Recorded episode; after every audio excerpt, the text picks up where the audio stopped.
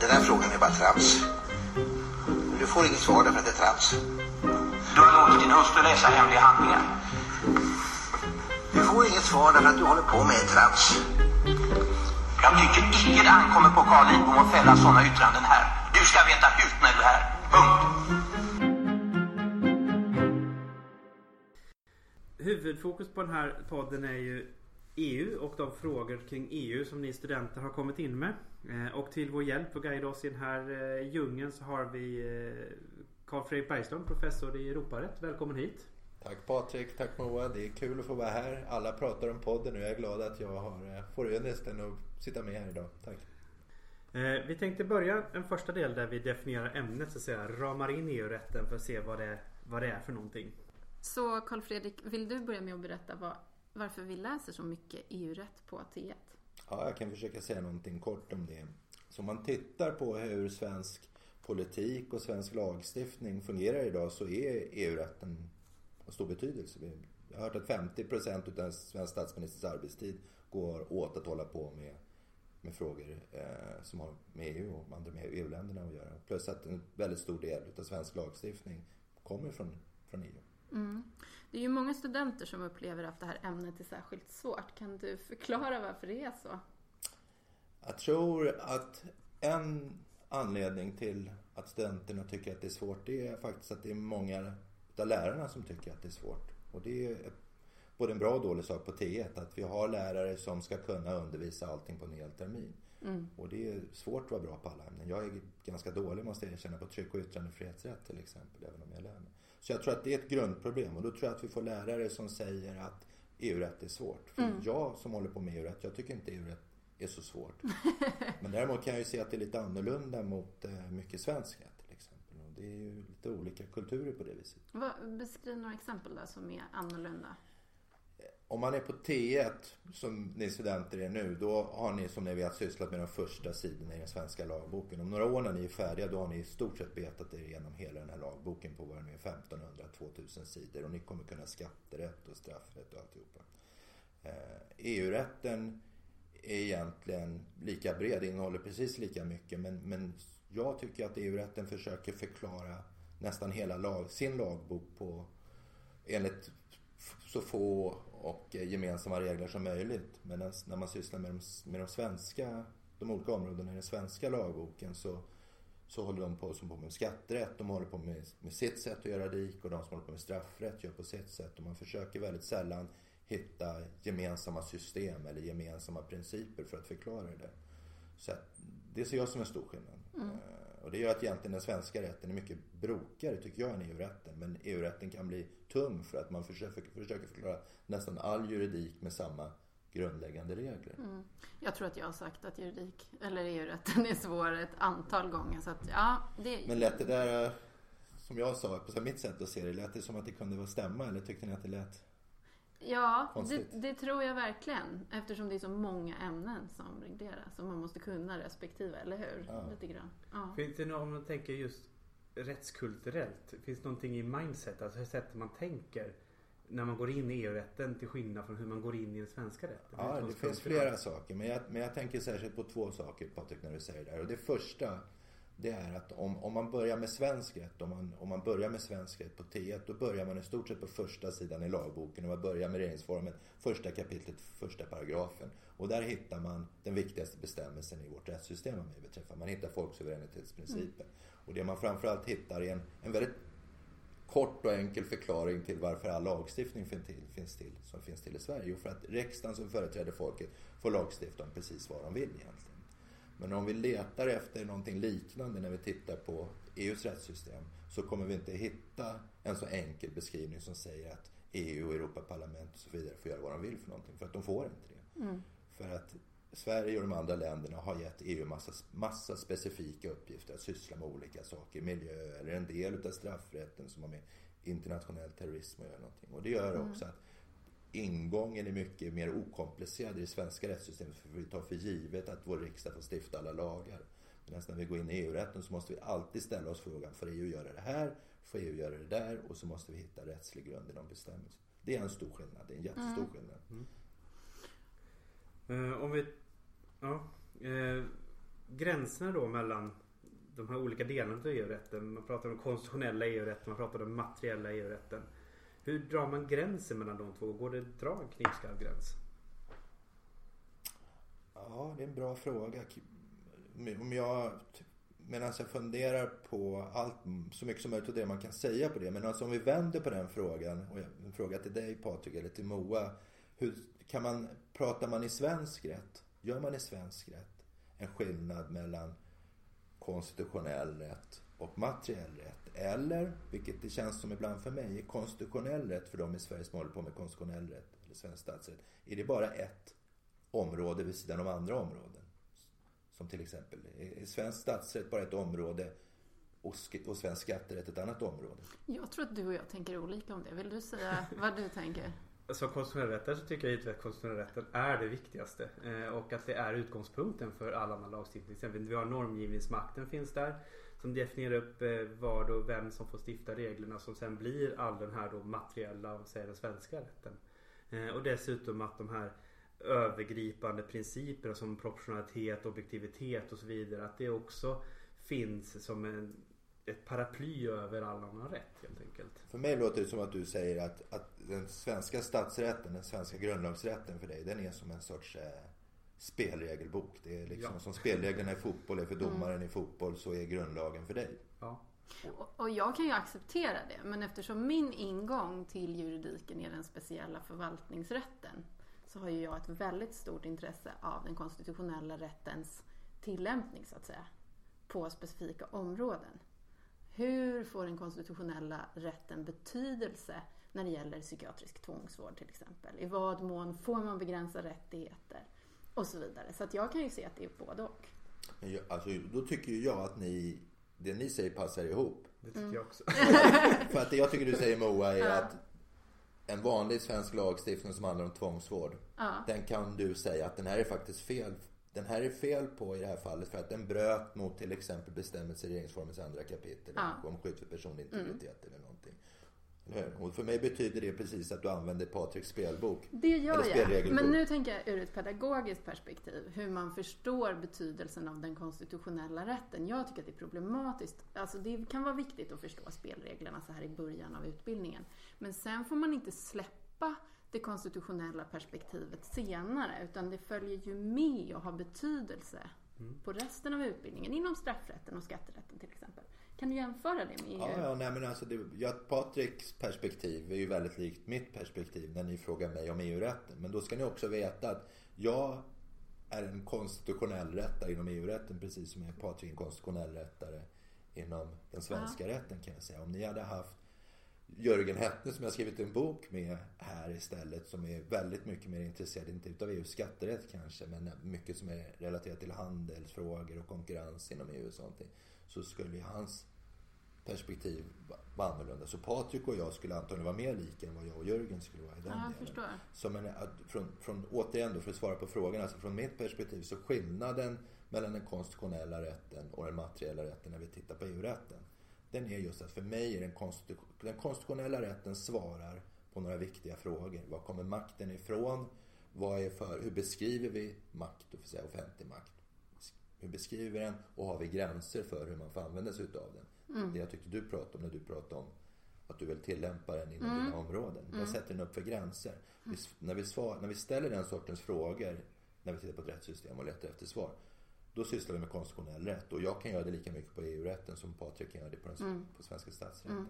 Men då skulle jag vilja be dig ge några exempel på vilken typ av materiella EU-rättsliga frågor som kommer att komma senare eller beröras mer särskilt senare under utbildningen? Alltså, redan på T1 så är vi ju inne på en del materiella frågor. Vi pratar om unionsmedborgarskap. Vi har uppgifter som handlar om unionsmedborgarskap och möjligheterna att få jobba i ett annat land till exempel som disk, diskare, diskare på ett eh, diskotek i Skottland till exempel. Alltså, så det är ju en sorts materiell rätt i och för sig. Så vi lite materiell rätt tittar vi ju på redan på T1. Men om det fungerar som, som det är tänkt på er utbildning så kommer EU-rätten komma tillbaka i precis varenda termin som, som ni studenter har framför er. Och ni kommer framförallt på T3 kommer ni komma i kontakt med EUs konkurrensrätt, EUs regler om vad företag får göra och inte göra för att inte bli för starka på marknaden. På T4 så kommer ni titta på straffrätt, EUs regler om straff. Ni kommer att på T6 framförallt titta på ganska mycket materiell EU-rätt. Ni kommer titta på lagstiftning från EU om, som ställer krav till skydd för miljön. Ni kommer titta på regler om som begränsar livsmedelshanteringen på förskolor kanske. Få barnen baka kanelbullar och, och sälja dem själv på Lucia eller måste de följa livsmedelsföreskrifter? Mm, mm. Vargjakt har varit en populär fråga. Mm. På T6, vad händer om EU å ena sidan säger att vargar inte får skjutas och samtidigt svenska kommuner bestämmer att de ska skjutas. Där har ni exempel på materiella frågor. Vi fick en fråga ganska tidigt Patrik till T1-podden som handlade om romers situation i Sverige ur ett EU-rättsligt perspektiv. Är det en sån fråga vi ska passa vidare till längre fram? Jag kan säga lite om den för det, det är ett bra exempel på hur vi försöker bygga någonting över alla de här terminerna. En del utav ett bra svar på den frågan ligger på T1 tycker jag. För romer... Poängen Utsatta med, romer kanske vi ska säga Precis, utan men arbete. men innan vi säger utsatta romer så kan vi faktiskt säga romer generellt. Åtminstone de, så här, de, de romer som är medborgare i ett EU-land, och många romer är det, framförallt i Ungern och Bulgarien, om jag förstått rätt, eller Rumänien och Bulgarien, Bulgarien kanske, så är ju de inte i första hand romer utan de är medborgare, de är, ung, de är rumäner eller bulgarer och i och med att de är det så är de också unionsmedborgare och i och med att man är unionsmedborgare så är man, om man även om, oavsett om man är rumänsk unionsmedborgare eller svensk unionsmedborgare så har man, en, har man många rättigheter inom EU få söka ett jobb och, och, skapa ett liv i ett annat EU-land. Mm. Eh, och, på det, och det är ju det som många utsatta romer, eh, utsatta i sitt hemland framförallt, har använt som ett utgångsläge för att komma till ett land som de tror är bättre, som Sverige, för att kunna tjäna pengar hem. Eh, och utgångsläget är ju att just för att de är unionsmedborgare så får de göra det. Så, långt är det en T1-fråga tycker jag och som handlar om vad som följer med rätten, de rättigheter man har som unionsmedborgare. Det är konstitutionella rättigheter. Men ska man titta närmare på den frågan och ge ett bra juridiskt svar då kommer man in i sånt som vi gör med på T6 som handlar om sociala trygghetssystem. Vad händer om man då inte kan försörja sig eh, i ett annat, som unionsmedborgare i ett annat land? Har man, vad har man för möjligheter att få socialbidrag? Och om man får social, om en, om en rom som inte tjänar, en utsatt rom som inte tjänar pengar i Sverige får socialbidrag och tack vare socialbidraget klarar av att bo i Sverige. Eh, hur löser man den cirkeln som det kanske blir då i så fall? Mm. Och deras barn, oavsett om deras föräldrar har pengar eller inte, men barnen ska inte de få gå i skolan. Ja, precis. Så den sortens problem är... Mm. Jätteintressant. Ja. Vi kan ge ett, ett halvt svar på funderingen från ja. studenten helt enkelt. Men, men jag associerar faktiskt till en fråga vi hade i materialet som vi hade lite problem med. Jag vet inte om vi kan säga något om det som gällde just det här rätten till socialbidrag. Eller hur? Var det diskaren i... Nej, det var Nej. ingen diskare. Jag kände inte igen det. Eh, men det här handlade just om möjligheten att få socialbidrag i Sverige. Och då blev frågan väldigt mycket från studenterna. Hur detaljerat behöver de studera de mm. frågorna mm. inför tentan? Ja, jag, tycker in, jag förväntar mig inte att våra studenter på T1 ska kunna egentligen någonting om, om det här. Man, jag tycker ungefär som jag försökte säga för ett tag sedan att unionsmedborgarskap och de rättigheter som det ger en unionsmedborgare att få åka till ett annat land och söka jobb. Det är helt klart sånt som vi håller på med på T1. Och det, det, står en bit om det i, läroboken just av den anledningen. Men att gå in på, som annars skulle jag säga på T1, vi förväntar oss väl inte att våra studenter ska kunna hantera lagar hur som helst hela lagboken utan det ligger framöver. Det är, det är grundlagarna och riksdagsordningen och, och kanske några speciellt utpekade lagar som lagen om offentlighet och sekretess som men så är den parallellen måste man ju kunna dra mellan er och det vanliga. Att vi tar massa exempel på lagar inom den konstitutionella rätten. Eh, det som vi tillämpar och prövar konstitutionellt. På samma sätt i EU-rätten så tar vi exempel, vi tar direktiv eller annan materiell EU-rätt som vi testar konstitutionellt om ja. den håller på olika sätt. Och det, det, det är den prövningen som studenter ska klara både i vanligt och eller ja. vanligt, i svenska rätten och i, i EU-rätten. Mm. Eh, om vi tar en fråga till innan vi avrundar det här segmentet. Ehm, nu har vi ramat in EU-rätten lite grann. Men förhållandet mellan då Sverige och EU. eh, och företrädesprincipen. Eh, och där studenten får höra att EU-rätten går före svensk rätt samtidigt som vi har eh, olika typer av, vi har 10-6 i RF och Solange-principen och så vidare. Hur, finns det något bra sätt att definiera den här företagsprincipen? Var går gränserna för den? Ja, ja. Det är, det är en bra fråga. Jag tycker det är en kul fråga. Det är ju inte jättelätt att få den rätt på en gång. Men jag ska försöka göra det så enkelt och få det så rätt som möjligt som jag kan. Ja, för ett tag sedan så sa jag att en viktig skillnad mellan det svenska rättssystemet och EUs det är just det med folksuveränitetsprincipen i Sverige och att EU har ingen suveränitet på det viset. Utan EU har den makt eller den, den befogenhet att göra saker som medlemsstaterna ger till EU. Och, och vill vi, ska vi vara lite juridiska runt det där så tycker jag det bästa lagrummet att gå till det är artikel 48 i unionsfördraget. För där står reglerna för hur man ger EU makt. Hur medlemsstaterna ger EU makt tillåtelse att, att göra olika saker. Och där står det att förfarandet för att ge EU befogenhet eller makt det, det följer de nationella konstitutionella bestämmelserna. Så EUs makt bygger på att EU själv hänvisar till regler i de nationella grundlagarna som talar om hur, hur de nationella, hur medlemsländerna, hur länderna, Sverige till exempel, ger EU makt. Och tittar vi på Sverige då, på om vi den här vägen då, för vi försöker, den här vägen försöker komma till ett svar. Så tittar vi i Sverige, vilket ni har gjort på seminarierna, eh, så hamnar vi i regeringsform 10 kapitlet och vi hamnar i sjätte paragrafen. För där är de svenska konstitutionella bestämmelserna som talar om hur EU får sin makt. Jag, jag kan inte se att det finns någon rättspraxis från från EU-domstolen som någonsin har sagt att EUs regler smäller högre än regeringsformen 10.6. Det vill säga de nationella konstitutionella bestämmelserna som talar om hur EU kan få sin makt. För mig det skulle det vara fullständigt ologiskt. Eh, men däremot finns det rättspraxis från EU-domstolen som säger att vissa EU-regler har företräde, eller att EU-regler kan ha företräde framför regler i nationella grundlagar som, om de strider mot varandra.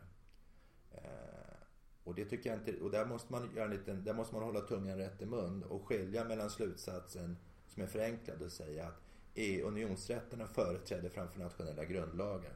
Stämmer inte helt och hållet skulle jag säga. Men däremot kan unionsrätterna företräda framför en del bestämmelser i nationella grundlagen. Och det är inget konstigt från det svenska perspektivet heller. För om ni jämför Patrik och Mova, eller studenter, om ni jämför regeringsformen 10.6 med till exempel regeringsformen kapitel 8 i regeringsformen kapitel 8 så står det att riksdagen stiftar lag. Och samtidigt har vi myndigheter och domstolar som tillämpar förordningar från EU. Inte bara som lag utan som lagar som smäller högre än riksdagens lag. Det, det är inte, från, från svensk regeringsforms sida så är inte det konstigt att ge det företrädet. Utan det är just för att vi har en bestämmelse i vår grundlag som säger att ja, vi kan ge EU den makten. Mm. Det där kanske inte jätteenkelt? Jo, men det blir ju igen. Jag vill ju säga igen då, vad svårt det låter.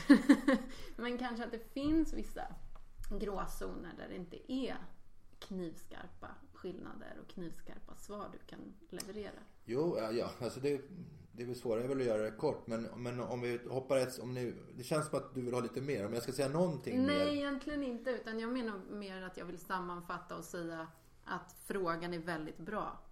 Därför att den är svår. Men inte en, en, om det blir ett knivskarpt läge, vem avgör? Ja. Den nationella makten eller EU-domstolen? Jag ska säga så, det, till, jag ska säga, nu ska, nu ska inte jag glömma bort att vara en jurist här. Var hittar vi svaret på den sortens frågor enligt den metodik, met, met, metodologi eller met, metod som vi lär ut, eller hur? Eh, då ska jag säga att det, det handlar om, här handlar det om att, att tolka den svenska grundlagens bestämmelser i grund och botten. Eh, och det betyder att det är framförallt vi vill förstå vad regeringsformen 10 kapitlet 6 paragrafen säger. För den är liksom övergången, den är nyckeln till det här. Det är den nyckelhål som vi tittar på EU-rätten igenom. Eh, och vem är det som talar om för oss jurister hur vi ska förstå det som står i regeringsformen 10 kapitlet 6 paragrafen och hur den förhåller sig till andra bestämmelser i Sverige. Det, det är första frågan och den i sin tur öppnar ju för all del upp en massa andra alternativa svar. Men det mest uppenbara, det traditionella svaret på det, det är ju att vi säger att det är riksdagen själv och framförallt konstitutionsutskottet i riksdagen och vad de säger om hur vi ska förstå avsikterna med den här bestämmelsen. Det är det vi ska lyssna på. Och går man in och tittar, och det kan ju vi göra allihopa, gå in och titta på yttranden från konstitutionsutskottet, vad de har sagt precis för svar på den här frågan ni ställer till mig. Så ser man ju att konstitutionsutskottet säger att det som står i artikel 10, eh, 10 kapitlet, 6 paragrafen, det vill säga EU-klausulen i grundlagen. Det är avgörande för, när EU, för bedömning om EU har gått för långt eller inte. Mm. Gör EU någonting som strider mot det konstitutionsutskottet och riksdagen kallar för principerna för statsskicket eller om EU inte kan se till att det finns ett tillräckligt högt skydd av grundläggande fri och rättigheter. Mm. Då förväntas någon i Sverige som, som skyddar den svenska grundlagen säga stopp. Mm. Sen finns det väldigt, väldigt mycket mer att säga om precis hur man tolkar och bedömer det här och inte så lätt. Men grundmekaniken är precis den här. Så det finns en gräns. Det är klart att det finns en gräns där den svenska grundlagen smäller högre än EUs regler. Mm. Då övergår vi till frågor från studenterna. Och den första frågan handlar om direkteffekt.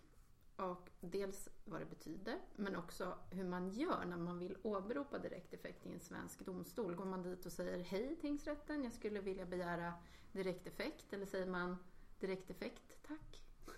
Ja, jag ska försöka svara på den så bra som möjligt. Jag tänkte återigen se till att eh, försöka få Moa och Patrik att hjälpa mig att svara lite på den frågan. Så det kanske kommer ta ett litet tag. Men till att börja med så, så tycker jag att man ska känns det viktigt att försöka avdramatisera lite det här begreppet direkt effekt. För att tittar man på rättsfall från EU-domstolen och går tillbaka ända till, till, till slutet på 50-talet så har domstolen försökt säga någonting liknande men använt lite olika ord. Och nu för tiden så har vi liksom, vi som tittar på EU-rätten och försöker förstå den, vi säger att det de har försökt säga det handlar om direkt effekt. I läroboken pratar vi om doktrinen om direkt effekt. Eh, för att egentligen, ja, vi vill kalla det för doktrinen om direkt effekt. Men om man tittar på de gamla rättsfallen och det var ju till och med innan Storbritannien var med i EU så det fanns inte ens, de fanns inte på engelska, det fanns inget mm. engelskt språk. Då pratade domstolen om en unifé immédiat på franska, en, en omedelbar effekt eller en omedelbar konsekvens. Eh, så att det finns egentligen, om man tittar på de olika språken över tid, det finns många olika sätt att försöka uttrycka det som vi väldigt förenklat och försöker säga direkt effekt. Och vad mig beträffar så är det viktiga just vad man är ute efter och det är att en rättslig regel ska kunna bli tillämplig utav en domstol. Att den ska kunna ligga till grund för att man bestämmer sig för någonting. För att den är så pass tydlig i det som står där. Eh, och ser man det på det viset så är det egentligen någonting som är ganska självklart långt utanför EU-rätten. I svensk rätt så gör svenska domare precis där hela tiden. Eh, så Patrik till exempel här nu som har lagboken med sig idag. Om, om, du bara, om du bara stoppar in fingret någonstans mitt i den svenska lagboken och så, och så läser du för oss vad som står i den första paragrafen som du hittar där. Patrik slår upp lagboken kan jag kommentera då. och hittar kommissionärers stoppningsrätt i kommissionslagen. En kommissionär som har köpt varor för kommittentens räkning och sänt den vidare till kommittenten får för att säkerställa sin rätt enligt 15 paragrafen hindra att varan lämnas ut till kommittenten. Ja, och då blir min fråga samma fråga som Moa ställde till mig förut. Är det här någonting som du kan ta till en svensk domstol och vad säger du att domstolen ska göra med den här bestämmelsen i så fall? Ska man förstå bestämmelsen först då? ehm, ja. Om man har köpt varor och sänt dem vidare så får man för att säkerställa sin rätt hindra att varan lämnas ut. Det borde man kunna där kanske funkar. som en rättighet. Ja, där kanske det finns någonting som gör att den här bestämmelsen kan ha direkt effekt för att den är tillräckligt tydlig, eller hur? Mm. Okej, ta, vi, provar, vi kan prova en till ändå. Lite roligt tycker jag. Nu ska vi se vad du hittar den här gången. Nu hittar jag allmänt om grundbelopp. I en massa, jag är i skolförordningen ska sägas. Eh, I ett antal paragrafer anges vilka kostnadsslag som ska ingå i det grundbelopp som lämnas i bidrag till en enskild huvudman för förskoleklass, grundskola eller grundsärskola. Den var svårare att använda. Antagligen. För den hänvisar till massa andra paragrafer som mm. ger förutsättningar för att den ska uppfyllas. Ja.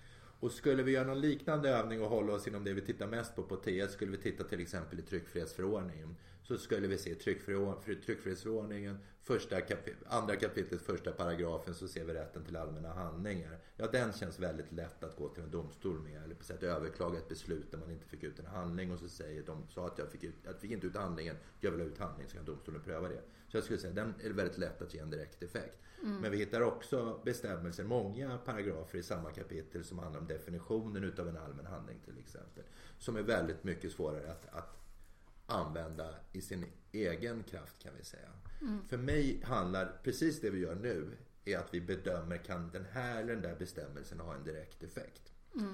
Generellt. Så på det viset är det någonting som är självklart för en jurist och särskilt för en domare. Eh, Och definitivt för en advokat som funderar på om han, tänker ta, han eller hon tänker ta en klients ärende till en domstol. Hur säger han då? då? En direkt effekt, tack. Ja, precis.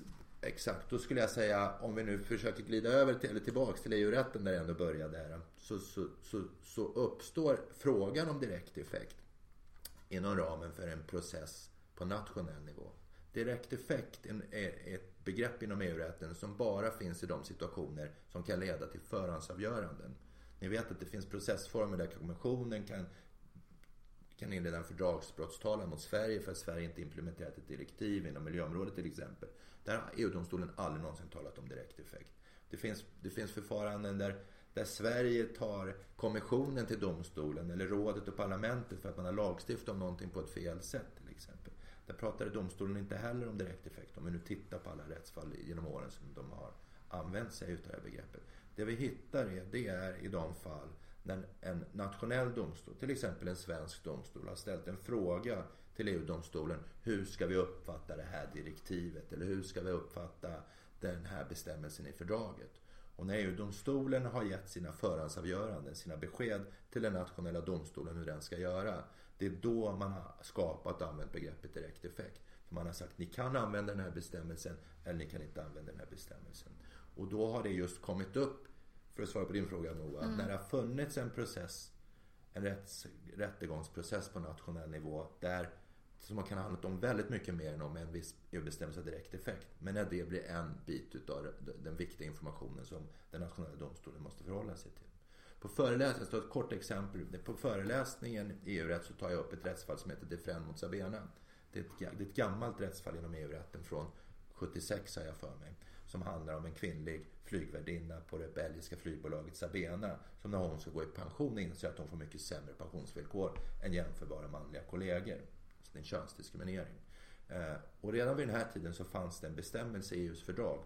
Jag tror att den idag har nummer 119 men vid den här tiden så hette den artikel 144 i EG-fördraget. Och den sa att män och kvinnor ska ha rätt till lika lön för lika jobb. Samtidigt så sa den här bestämmelsen då, vi är en bra bit tillbaka i historien, den sa så här att senast den 1 januari 1974 så ska EUs lagstiftare stifta en lag som i mer detalj talar om för oss hur rätten till lika lön för, för lika jobb ska se ut. Grejen var att det hände inte. Den brittiska regeringen sa nej till en sån lag och det blev ingen sån lag. Så att datumet passerades. Och den här grejen med Defren, eh, flygvärdinnan Defren och Sabena den uppstår efter att det här datumet har passerats. Så hon kan jag säga i utgångsläget har inte, hon förlorar sin rätt. Det ser ut som att hon förlorar sin rätt till lika lön för samma jobb. För att EUs lagstiftare inte har lagstiftat. Men den frågan den belgiska arbetsdomstolen ställer till EU-domstolen är skulle inte vi kunna ge henne rätt till lika lön för samma jobb? Med stöd utav att det finns en fördragsbestämmelse som säger att det var tänkt att vara på det viset. Nu när lagstiftaren inte har gjort sitt jobb. Kunde man det? Och det EU-domstolen säger ja, vi kan ge den bestämmelsen i fördraget är tillräckligt tydlig för att säga att hon har den här rättigheten. Så därför kan vi ge den direkt effekt. Det vill säga vi kan omsätta den i praktiken på en gång. Och så ger vi henne rätt till lika lön. Leder inte det över oss till nästa Jo fråga? precis, för det finns ju då i den här, om vi kallar för doktrinen för direkt effekt, finns ett antal villkor som ska uppfylla för att direkt effekt ska inträda eller in, vad man säger. Ehm, och ett av dem är ovillkorligt. Ehm, och det har vi fått en fråga om vad det, vad det betyder, det här ovillkorligt. Betyder det att det inte får innehålla villkor eller att, att det inte ska finnas några villkor kopplat till implementering eller hur ska man Det är en jättebra fråga men den är också inte, den är inte så krånglig att förstå svaret på om, om man egentligen tänker efter på samma sätt som vi har gjort hittills. Och om jag kort ska göra en, en parallell återigen med den svenska lagboken som jag funderar lite på i förväg så i slutet på regeringsformen, kapitel 15, så har vi bestämmelser om, om krig och krigsfara. Och det finns flera saker som står där som i och för sig skulle kunna tillämpas, är tillräckligt tydligt för att kunna tillämpas i en, i en domstol. Men grejen är att de kan bara tillämpas om det är krig eller krigsfara. Till exempel rätt att hålla val på ockuperat territorium.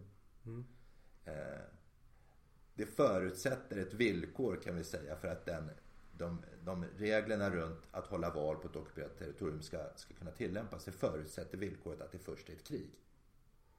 Så kan jag säga att den bestämmelsen kan inte tillämpas utan att villkoret först är uppfyllt, att det har blivit ett krig. Där får ni ett, ett ganska, en karikatyr över ett problem. Men om jag tar tillbaks det till fallet jag använde nyss med Defren mot Sabena. Så kan jag säga att som den bestämmelsen först stod ut i fördraget, den gamla bestämmelsen som jag sa, så stod det att senast den 1 januari eh, 1974 så ska EUs lagstiftare stifta en lag om det här. Så när vi, om vi hade stått tidigare, om vi hade stått 1973 och tittat på den bestämmelsen så skulle den inte kunna få direkt effekt för det var ett villkor som skulle uppfyllas. Villkoret var att lagstiftaren skulle lagstifta om någonting. Men det som händer efter den 1 januari 1974 det är att det villkoret egentligen då trillar bort. EU-domstolen säger att ja, nu, det villkoret kan inte längre gälla för nu, ja, tiden har passerats. Och nu är det ovillkorligt. Mm. Förstår ni? Jag tror det. Okej. Vill ni ha några mer exempel? Nej, vi hoppas att, att studenterna förstår det. Och det har ni ju skrivit mycket om i er bok också, eller hur? Eller? Ja, jag tycker att vi har skrivit mycket om det. Mm. Jag tycker vi kan gå vidare till nästa fråga. Vill du köra den Patrik? Absolut. Eh, du har fått in en fråga om, om rättslig grund. Eh, och här har man kallat det för the legal basis game.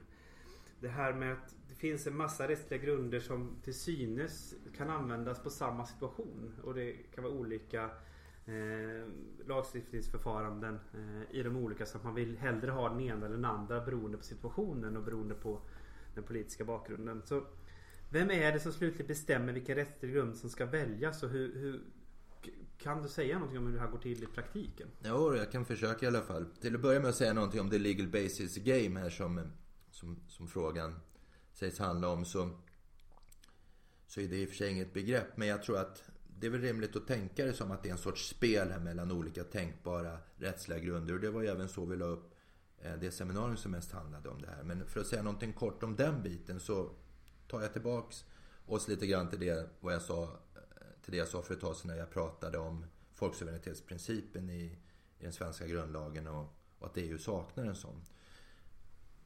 Inom den svenska rätten så är det oproblematiskt på det hela taget att riksdagen lagstiftar om saker. Riksdagen lagstiftar och i de flesta fall när det är vanlig lagstiftning så gör man det enligt ett förfarande.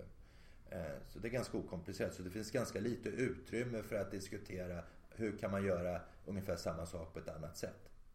Det, lite, det kanske går att hitta ett sånt utrymme, men det är ganska litet praktiskt problem i svensk rätt. Men när vi tittar på EU-rätten och ser att istället för en bestämmelse som den svenska RF1 vi har massa bestämmelser över flera hundra sidor i fördragen som talar om på miljöområdet får EU göra det här, på energiområdet får EU göra det där, straffrättsligt det där och så vidare. Så, gör, så är det också så att eh, det finns utrymme för, för överlappningar. Att EU kan göra samma sak genom, på olika vägar. Och det spelar kanske inte heller så stor roll om det inte vore för det att det ibland är olika förfaranden.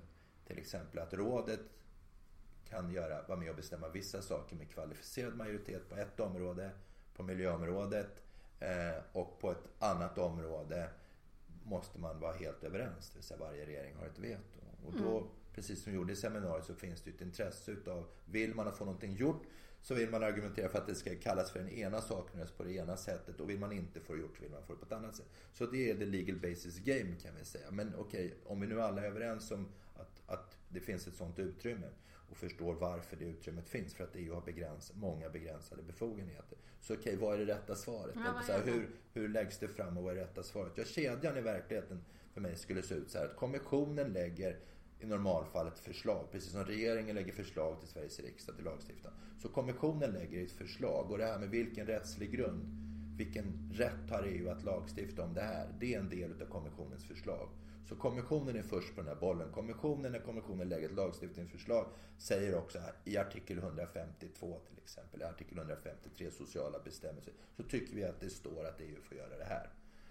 Om regeringarna i rådet, eller för den delen Europaparlamentet, inte håller med om det här, av vilken anledning det än är, så kan de, precis som man kan i debatten inom riksdagen, så kan man ändra förslaget. med olika, på olika sätt. Så man kan ändra alla delar av förslaget, även den rättsliga grunden. Eh, så det finns en bit av svaret på frågan här i den politiska processen. Mm. Att man kan ändra det.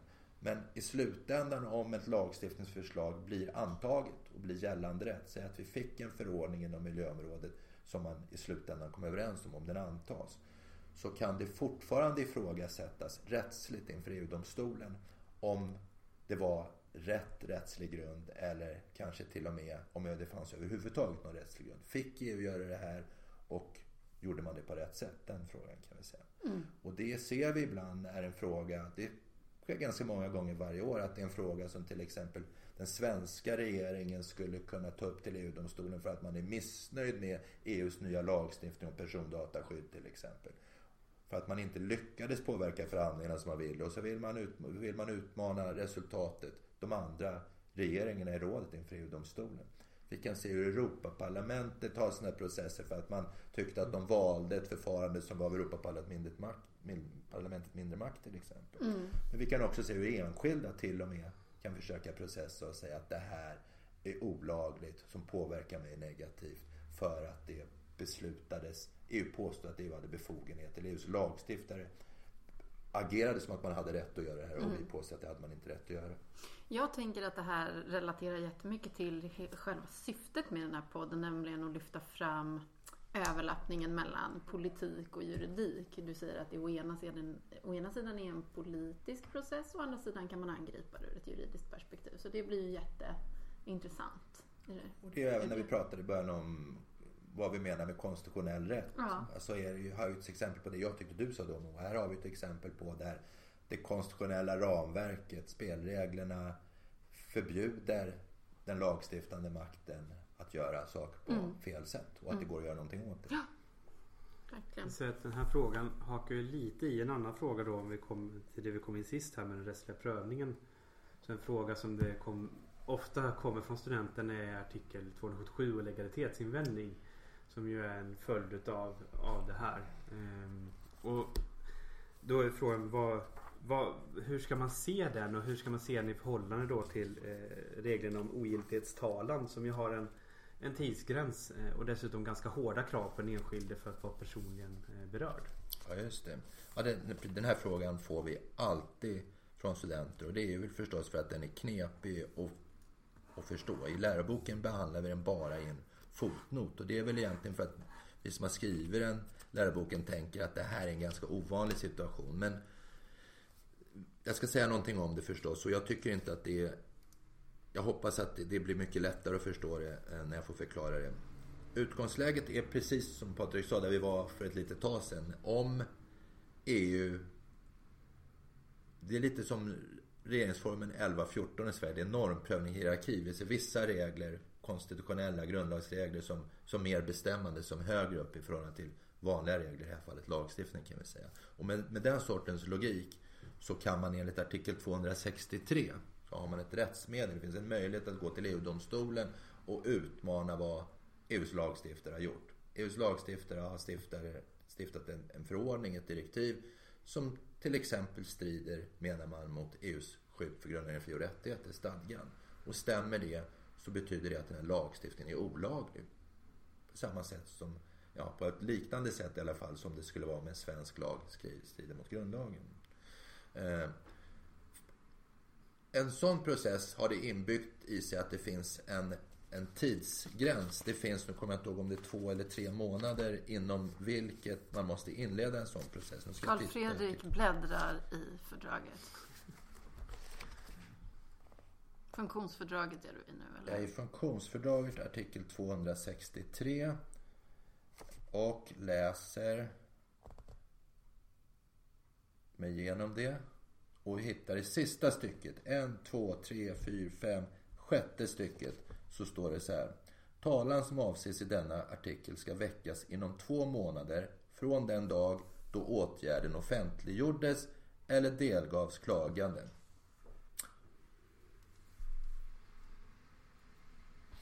Det betyder att om det kommer till exempel en förordning från EU som man tycker strider mot EUs Eh, stadga. Oavsett om man är en regering eller Europaparlamentet eller ett företag eller en människa. Så har man två månader på sig att gå till domstol för att få, försöka få igång en prövning om den här var olaglig eller inte. Men när det har gått två månader, då är, det, då är den möjligheten borta. Och det har att göra med att vi behöver en rättssäkerhet i samhället. Vi har liknande konstruktioner i Sverige. Någonstans måste man, måste man kunna lita på en lag även om det finns en brist på lagen. Eh, det artikel 277 handlar om, utgår precis från det utgångsläget och handlar om om det uppstår en situation senare än de här två månaderna. Det kan vara två år senare, det kan vara tio år senare. Där någon står anklagad för att ha gjort någonting utifrån den här förordningen. Som om, den här, som om man hade kunnat tänkt sig utmana en gång i tiden inom två månader men inte gjort det. Så även om den fortfarande gäller och inte kan bli olaglig förklarad enligt 263 så har man fortfarande kvar sin rätt att som ett försvar invända ja men det är ju fel på den här förordningen för att den strider, påstår jag, mot till exempel stadgan och grundaren för rättigheter. Det vill säga man förlorar inte sin rätt att påtala en brist i lagstiftningen eller i rättsakten trots att tidsgränsen för att få den olaglig förklarad har gått ut. Så det är en sorts sköld. Mm. Det är någonting att skydda sig med och en möjlighet att fortfarande ta upp de brister som i grund och botten finns kvar i så fall. Mm. Skulle man kunna ta upp den inom ramen exempel för en process i Sverige? Eh, om då exempel en domstol skulle begära förhandsavgörande. Kan man i det läget eh, så att säga lyfta skölden? Eh, för att ja. få klarhet i det. Alltså du kan alltid, oberoende skulle jag säga, eller oavsett artikel 277 så kan du alltid i en svensk process eh, om någon försöker använda EU-rätt felaktigt emot dina argument säga att det är fel på den, EU på den här EU-rätten, på den här rättsakten. Och den svenska domstolen blir då tvungen, för att kunna döma i det fallet mm. så måste den svenska domstolen ta ställning till är det fel på den här EU-rättsakten, den EU-lagstiftningen, eller inte fel på den? Och för att kunna svara på den frågan så måste den svenska domstolen i det här fallet begära ett förhandsavgörande från EU-domstolen. Mm. Men är det då, då Men är det inte legalitetsanvändning? Då kan man ställa den frågan och domstolen måste, måste för, förhålla sig till det. Men den kommer inte kunna bli olaglig förklarad på det viset men domstolen kunna fort, kommer fortfarande kunna säga att ja, det vi ser en brist i den här lagstiftningen strid till exempel på stadgan. Men låt mig titta nu. Jag tror 277, om vi tittar på den, den handlar mer om en situation att man, du har en process, inte inför en svensk domstol. Du har en process direkt inför EU-domstolen. Det typiska fallet skulle vara, om vi ska vi vill få in en människa i scenariot, skulle det vara att har ett företag som har fått böter från EU-kommissionen för att man bryter mot, bryter mot EUs konkurrensregler. till exempel. Eh, och sen så vill man försvara sig eh, mot effekterna utav det. Men, man, men, tiden, men det har gått för lång tid. Mm. Och då kan man fortfarande göra den här invändningen. Eh, så, så den handlar i första hand om en situation som pågår direkt, en process som pågår direkt inför EU-domstolen. Inte via ett förhandsavgörande. Ska vi gå vidare? Mm. Nästa fråga, är du redo? Klarar du en till Carl Fredrik? Självklart. Mycket bra. Vid seminarium 15 så läste vi fallet Maribel, Maribel Dominguez. Jag vet inte om du kommer ihåg det fallet. Du kommer säkert ihåg allt, eller hur? Nej, men lite grann. Ja. Där i alla fall så har generaladvokatens eh, yttrande väldigt stor betydelse och det är också det som kommenteras i läroboken. Och då är ju frågan när man ska tolka vad som är prejudikatet av en dom. Vilken betydelse som det här yttrandet från generaladvokaten har. Mm. Också en jättebra fråga tycker jag. Alltså, I ärlighetens namn när det gäller just läroboken och generaladvokatsyttrandet i det fallet så tror jag att jag tänkte så här att här har, här har jag hittat ett ovanligt fylligt resonemang som verkar vettigt för att förklara vad det krångliga begreppet allmänna rättsprinciper är för någonting. Så där använde jag det mycket som en, en under omständigheterna tydlig eller koncis förklaring över något som är ganska svårt. Men för att svara allmänt på, på frågan, eller på, här, mer grundligt på frågan som jag fick precis från Moa, så skulle jag säga så här att när man ska bedöma, när man läser rättspraxis, oavsett om vi är svensk rätt eller EU-rätt, vilket rättssystem vi än är, så klart att det finns väldigt många fler domstolsavgöranden än sådana som är viktiga för oss som prejudikat. Och vi måste tänka på vad är det som gör att ett, varför är ett prejudikat ett prejudikat? Och det har förstås enklast att göra med om det är en hög domstol eller en låg domstol. Men om vi nu tittar på EU-domstolen så, och för ett litet ögonblick struntar i generaladvokatens roll, så är det så att det finns, mång, det finns väldigt många avgöranden från EU-domstolen under ett år och det, det finns skillnader mellan hur viktiga de är som prejudikat. För mig så är framförallt avgörande där det står att de kommer från stora avdelningen. Det vill säga det har suttit, nästan alla domare har suttit med i dem. De har ett tungt värde som prejudikat. Eh, och det är därför de hamnar i stora avdelningen, för att man ser i förväg att det här är viktigt att vi är överens om. Och sen finns det många avgöranden från olika kammare där det är färre domare. Och de är intressanta men de har ett, ett lägre värde vad mig beträffar. Mm. Om vi lägger på generaladvokaten på det, det är någonting som vi inte har i Sverige. Så generaladvokaten är någon som har, som har, fått, som har sitt jobb för att ta ut svängarna lite. För att som en forskare nästan sätta sig in i ett, ett mål mm. innan domstolen själv biter tag i det. Och det handlar väl framförallt om att skapa en möjlighet att just att få ett djup i dömandet som är svårt om, man om flera domare ska kompromissa sig fram till en tydlig dom på en gång. Det vi ser ibland är att de långa yttrandena från generaladvokaten verkar inte ha påverkat domstolen på något sätt. Så vi får en sorts slutsatser från generaladvokaten och en helt annan sorts slutsatser från domstolen.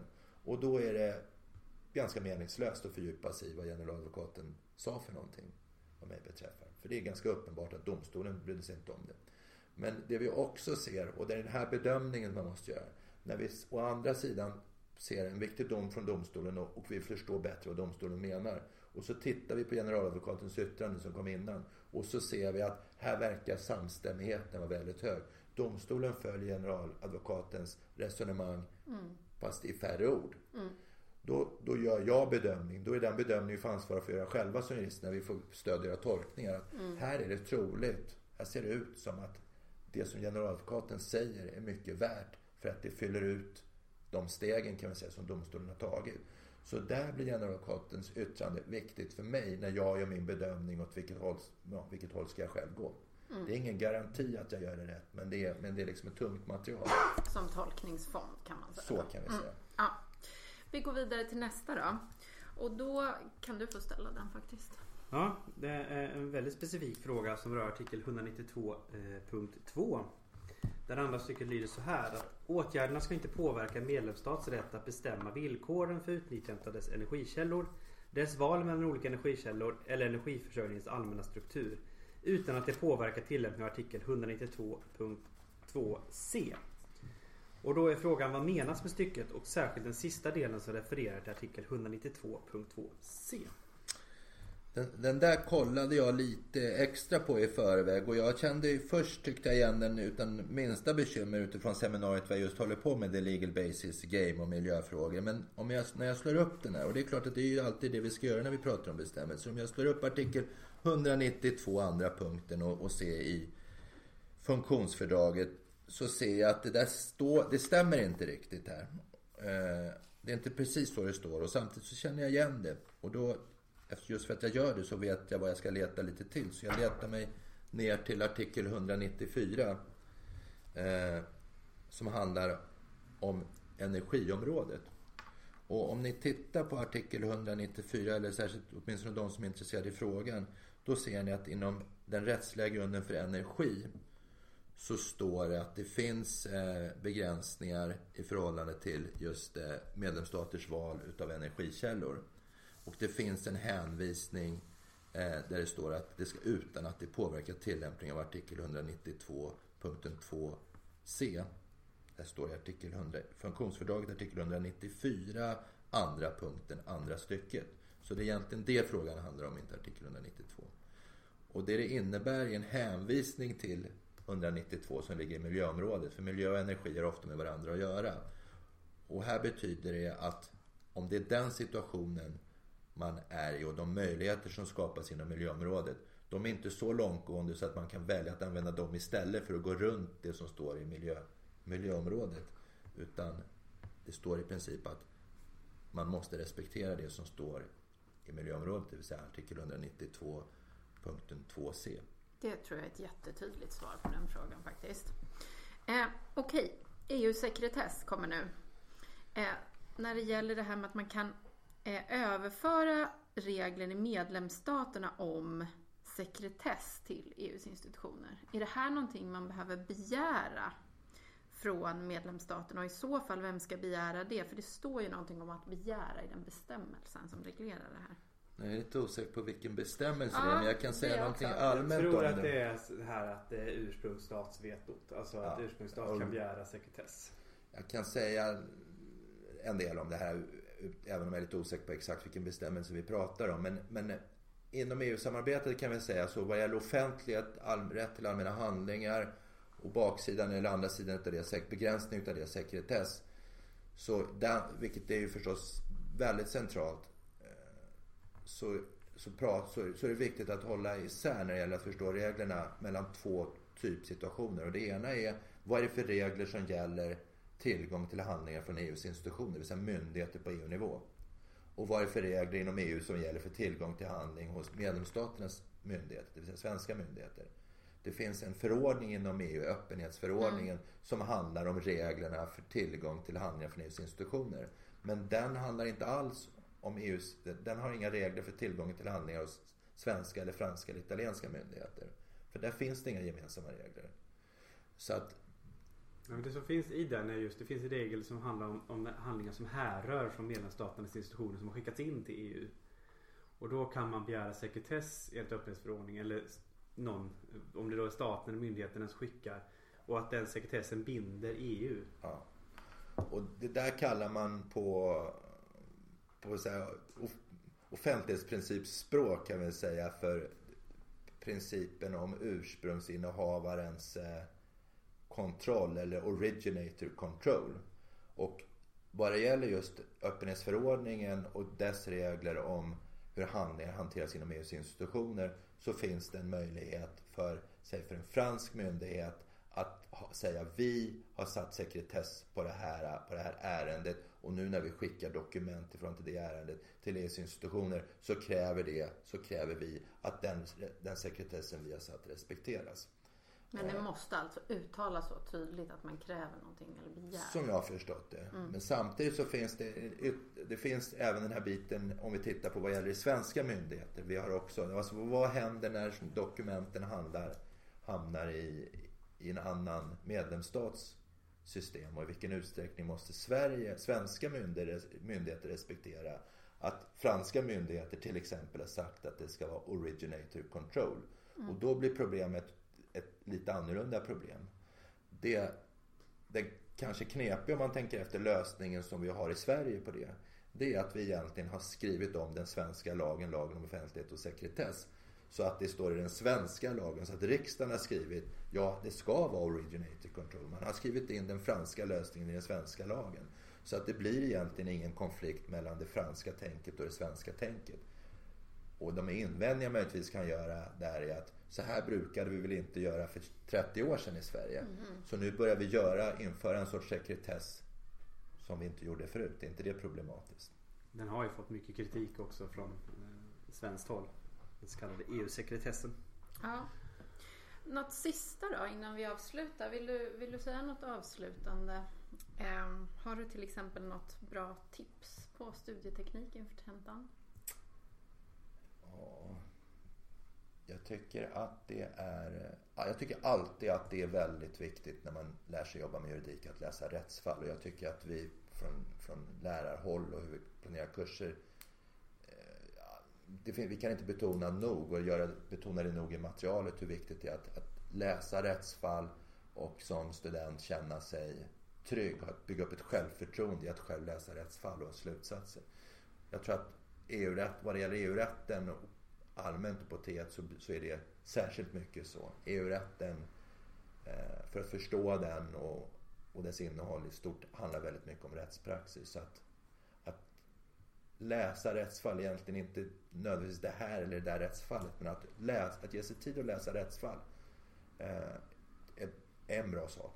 Det finns fler bra saker, men när jag ska plocka ut en sak så tycker jag det är viktigt för att man förstår mycket av det EU-rättsliga tänket och det, de kulturella skillnaderna kanske mot det svenska genom att lära sig från rättsfallen. Ja, tack Carl Fredrik för att Tack du snälla. kom och tog dig tid att svara på frågorna. Väldigt värdefullt både för oss och för studenterna. Och för mig. Tack, tack.